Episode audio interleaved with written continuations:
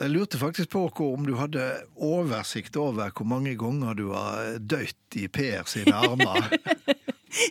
Nei, jeg har ikke oversikt, men jeg har gjort det liksom rundt hele verden. da Jeg har vært heldig.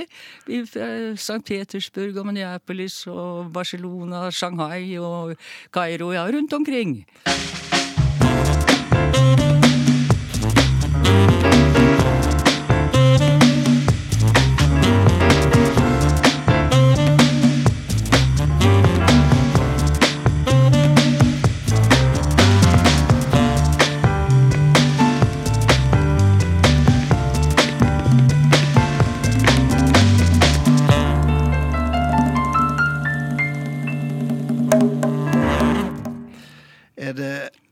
Spørsmål, men er det i ditt lange teaterliv med så mange roller, så stor spennvidde, eh, er det likevel Ibsen og hans drama som, eh, som er en slags kjerne? Lise Fjelstad. Ja, det, det blir det.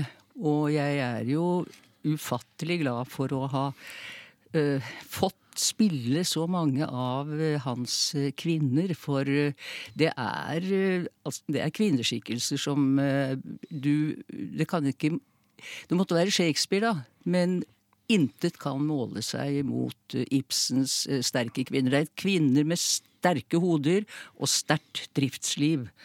Og det sier vel noe om Ibsen også, for han ses jo ofte på som en litt sånn tuslete mann, tilknappet, som liksom tafset litt på unge kvinner. Ibsen, han var en mann med sterk erotisk energi, det er jeg helt sikker på. Og å spille Ibsens kvinner, det gjør jo at du finner så mye av deg selv, og du utvider deg selv som menneske. Men det er jo et lite paradoks at eh, de kvinneskikkelsene som han eh, forma for så mange år siden, mm. de fremdeles står som en eh, påle og har en aktualitet som, som, som sjelden andre dramatikere har. Ja, men det er vel ikke noe paradoks, egentlig, fordi han borer jo ned i mennesket. Både i, eh, ja, i Per Gynt, for eksempel, mm. i, i mannsskikkelsene, men i særdeleshet i kvinneskikkelsene. Og de eh, problemene, selv om samfunnet har forandret seg, så er det allikevel evig, evig aktuelt, det han sier med sine kvinner. Og det har vært et teatermagi ut av? Ja, det,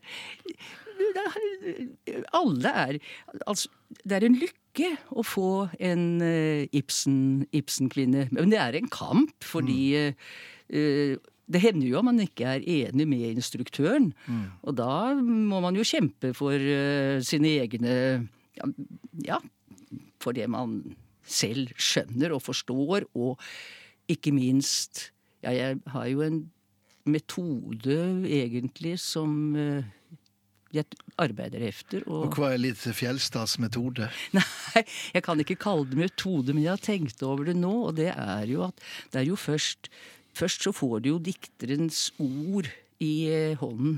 Og der er det jo Altså eh, du må ta imot hva dikteren sier, og så må du prøve å komme med det som er deg.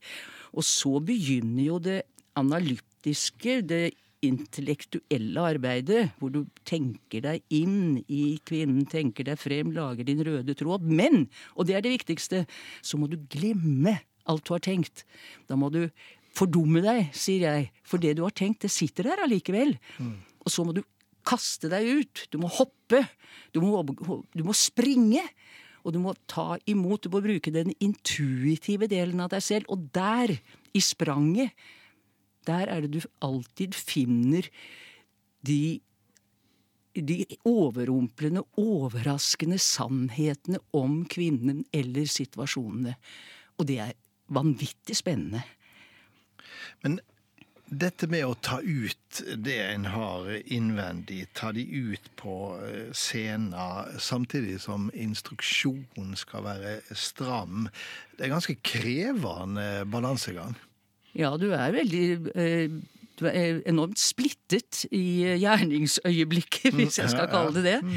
For da er du Du gir, du tar imot fra medspillere, og du har Det er jo lagt en ramme i løpet av en prøvetid, og samtidig har du publikum. Og det hvis publikum ante hvor mye de har å si for den forestillingen de får. For det der er det også en kommunikasjon, og så er du i det, men samtidig har du et punkt hvor du er i en slags kontroll, samme hvor langt ut i nervesystemet ditt du er, hvor langt ut du er, så har du det. Så det er ikke sånn at hver kveld er lik? Å nei, nei, nei, det hadde jo vært dødelig teater, kaller jeg det. Mm. Og det er noen som liksom er redd for å At det plutselig skjer noe som ikke var sånn som det var i går. Det må ikke være sånn som det var i går, men det må jo være en ramme. Og jeg mener man kan ikke gjøre alt dette hvis ikke det ligger en grunnmur av eh, analyse og eh, under, for hvis ikke blir det bare påfunn og føleri og tull. Du var jo også gift i mange år, og samtidig hadde du et samspill med en annen framifrå skuespiller, eh, Per Sunderland. Blir det personlige veva inn i det private i sånne roller? nei, ja. Og nei, vi spilte Strindbergs Dødsdansen. Mm. Og der er jo to mennesker som er så horribelt ja, de, de, er jo så grusomme mot hverandre. Men det var jo en fryd å gjøre, for uh, vi gikk jo opp Det var i fjernsynet, Fjernsynsteatret, og vi gikk jo opp og uh, prøvet dette forferdelige Og tok jo ut de grusomme fæleste ting. Mm. Veldig eh, skremmende på mange måter.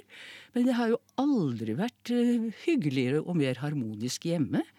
det, er en, Så, det er en spesiell form for uh, ekteskapsterapi. Ja, det var, ja, alle vil prøve seg på det. Ja. ja.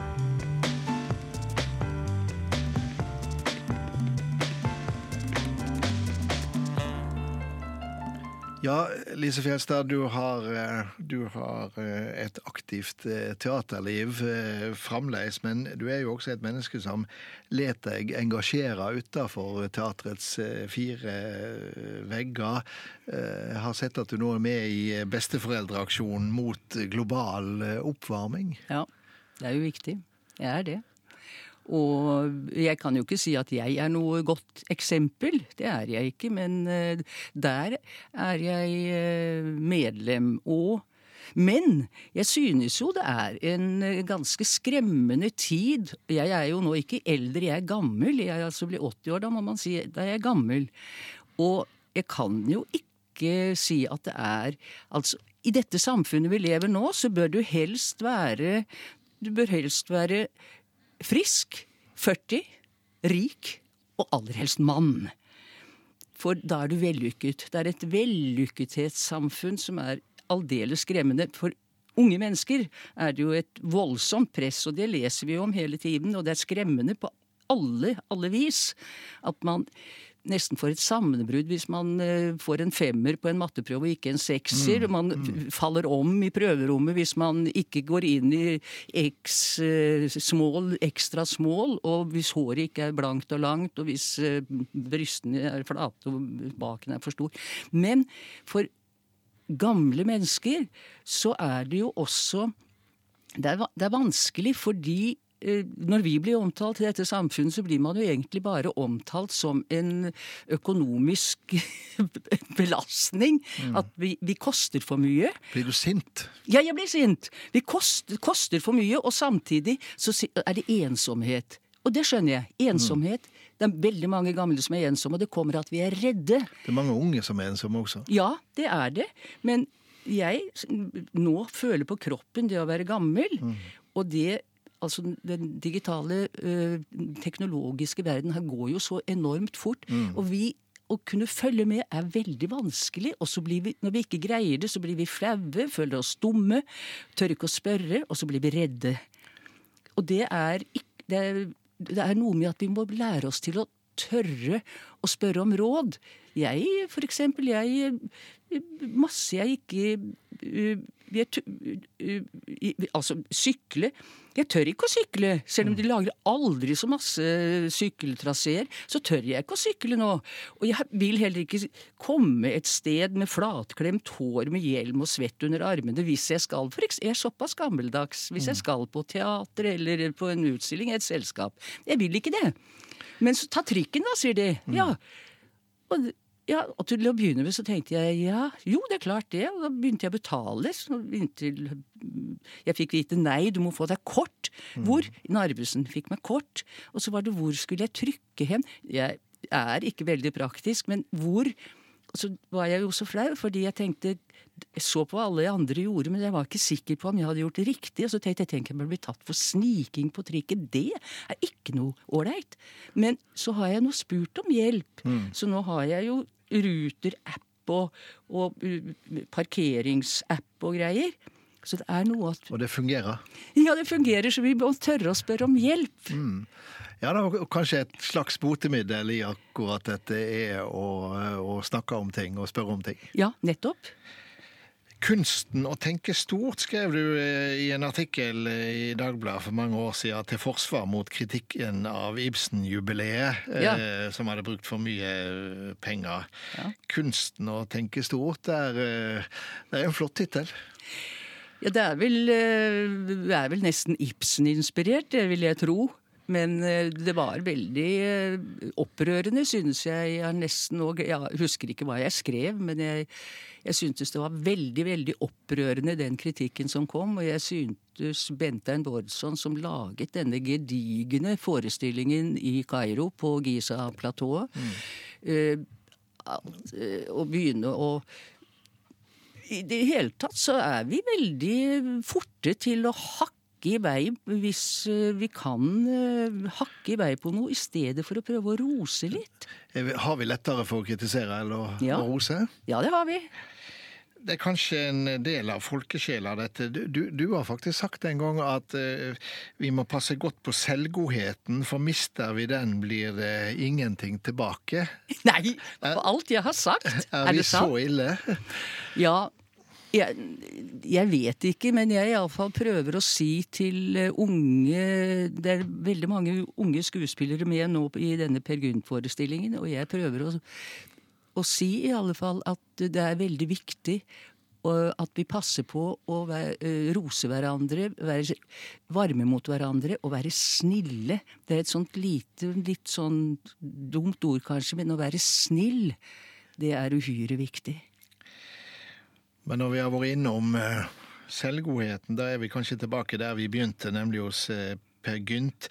Det er jo et uh, pussig, eller kanskje like gjerne et fascinerende paradoks at et drama som er skrevet for å holde gjøn med de verste sidene av oss som folk. Det er noe vi har opphøya til et bejubla nasjonaldrama. Ja, men det handler jo i bunn og grunn om å våge å følge eh, sitt kall, hvis man kan bruke et så stort ord, følge sin begavelse, følge det som er gitt deg som menneske, og ikke eh, gå på akkord med det innerste i, i deg selv. Uh, og det at Og det er egentlig det Ibsen skriver om i han begynner jo sin store diktesymfoni med ordene 'jeg må, jeg må', så by det meg en stemme i sjelens dyp, og jeg vil følge den. Og de siste ordene Det er i Catalina. Riktig. Ja, du er flink, da. Det vet jeg jo. Men, og de siste, som klinger i hans store diktesymfoni, det er 'jeg er fri, jeg er fri, jeg er fri', mitt fangenskapsliv er forbi, jeg er fri som en fugl, jeg er fri.